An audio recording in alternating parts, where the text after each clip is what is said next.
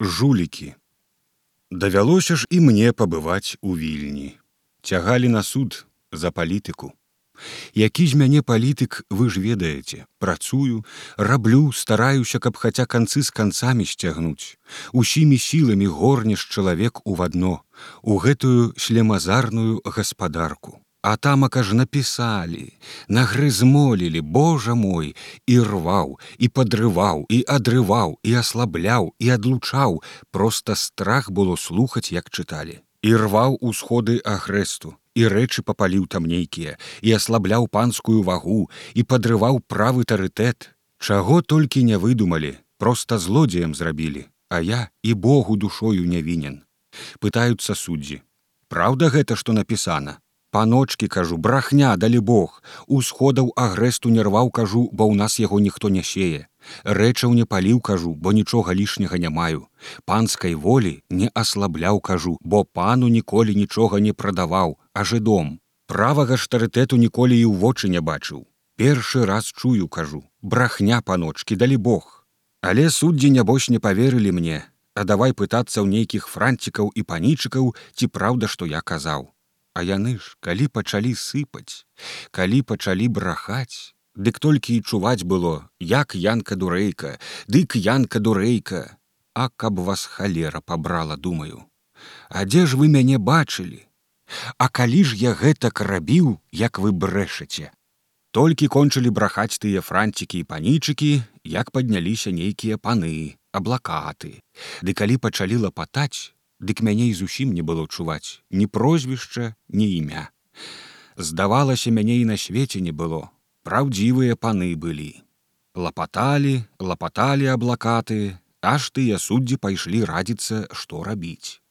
Калі ж яны вярнуліся зрабілася так ціха як у магіле.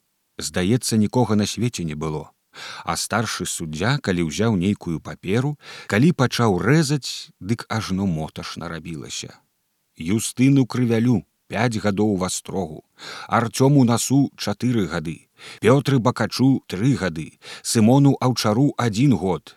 А Божа ж мой, калі забілася маё сэрца, калі застукала, калі затрапяталася, дык я ледзьве пачуў. Янку дурэйку, А што хоць забі, нічога не ведаю.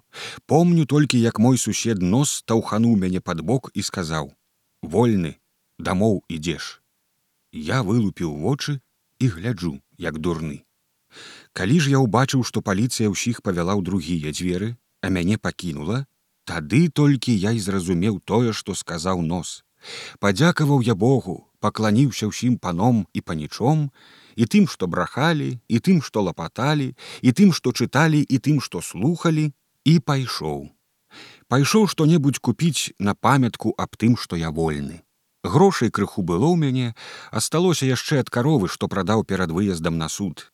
Я б яе мой не прадаваў, каб не свае суседзі. Як даведаліся яны, што мяне цягнуць на суд за палітыку, дык і давай радзіць. Бяры, кажуць, аблаката, бо без яго не выкруцішся. Не шкадуй грошай, калі хочаш быць гаспадаром. Прадавай, кажуць, хоць карову, ды сунь аблакату, каб лапатаў, то можа вылапача табе волю, а так будзеш у вастрозе, Паслухаў я гэтай рады, прадаў карову, заехаў у вільню, знайшоў аблаката і даў яму крыху грошай, хаця б ужо добра лапатаў. Аблакат хацеў, каб я аддаў усю карову, але ж я не дурань, сабе крыху пакінуў. Ну і праўда, аблакат вылапатаў, хоць я і не ўцяміў, як і што ён лапатаў. Ну дык вось, іду я гэта з суда і смяюся ў духу, што паном не ўдалося зрабіць мяне злодзеем і заперці ў вастрох іду прыглядаюся што купіць. Паабапал вуліцы ўсё крамы і крамы без канца. Ды не гэткі як у нашым мястэчку што нічога не відаць. Тамака дзвярэй не ўбачыш а тавары як на далоні. Усё ў вокнах толькі пазірай ды выбірай. Каля крамаў жа паходжваюць сабе купцы і гандляры, ды не гэткія смаркатыя зафлюндраныя, як нашыя мэндалі ціхайкі. Тамака ўсё ў капелюхох з манішкамі пры гадзінніках, а пузатыя, пузатыя, што страх пазіраць, здаецца, каб парнучым у пуза, дык і разліўся б як той кабылін трыбух. Паходжваюць сабе, пазіраюць, хто ідзе па плітуары. Іду я, гляджу ў вокны, што купіць А купцы і гандляры дыхнуць не даюць. Проста шляпіцаю лезуць у вочы. Усё пытаюцца, што купляю, што трэба. Выбіраю, кажу. Ну, што выбіраць, хадзі сюды, я ўсё маю, кажа адзін. Вось, думаю, добра. Толькі я скіраваўся за ім, аж падбег другі і цап мяне з руку. Сюды, сюды, кажа. Стаў я, гляджу. А тутака з другога боку вуліцы падбег трэці. Туды, туды, кажа, там акатанней. Я хістануўся ў яго бок. Тут першы да яго і давай нешта крычаць, а другі тым часам тузець мяне ў свой бок. Чуць на нагах утрымаўся. Убачыў гэта першы, дык з крыкам да гэтага. Падбегла яшчэ некалькі, ды да мяне. Што трэба, што пытаюць. Першыя з крыкам да гэтых і пайшло. Падняўся такі гоман, крык, што пачалі збягацца людзі, ды ўсё ў кучу, ды ў кучу, бачу я справа вялікая шмат людзей. Давай ходу. Хоць вы жулікі пазагрызайцеся думаю. Іду я далей. Аж ізноў пачалі прыставаць гандляры. Я ж парчэй яны за мною ды ўсё рвуць тузаюць як сабакі. Сюды сюды крычаць. Куды пытаю. Сюды сюды показваюць то ў адзін бок то ў другі то ўздоўж па вуліцы то цераз яе. Я ашаламіўся. Стаю, пазіраю. А гандляры давай тузаць, давай цягнуць. Хто за руку, хто за паяс, хто за пало халата, хто за каўнер, аж страшна стала. Разарвуць, думаю. А гандляры ўсё цягнуць ды крычаць: сюды, туды, туды, сюды. Я ж як тая былінка, то пакланюся, то пахінуўся, под нагамі зямлі не чую. Уцякаць трэба, думаю гляджу я цераз головы гандляроў гэтых жулікаў ажно на вуліцы стаіць панок з брычкаю. Праціснуўся неяк цераз кучу ды ў брычку і забыўся што не мой конік. Но крычу каб цябе ваўкі! Куды но крыкнуў той пан. Дамоў! Як ехаць пытае ён. Машынаю кажу ага і калі сцябануў коня калі панёс Дык толькі ў вачох мігцелася, аж я зубы сціскаў, каб языка не адбіла, так мяне падкідала і падтрасала. Прывёз мяне гэты пан на вакзал. Палаці кажа, пять злотых.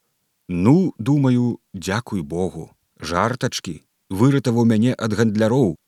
Я рукою ў кішэнь пустая.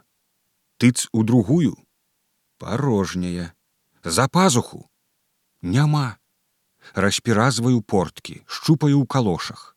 Няма, разуваю лапці, нічагутка.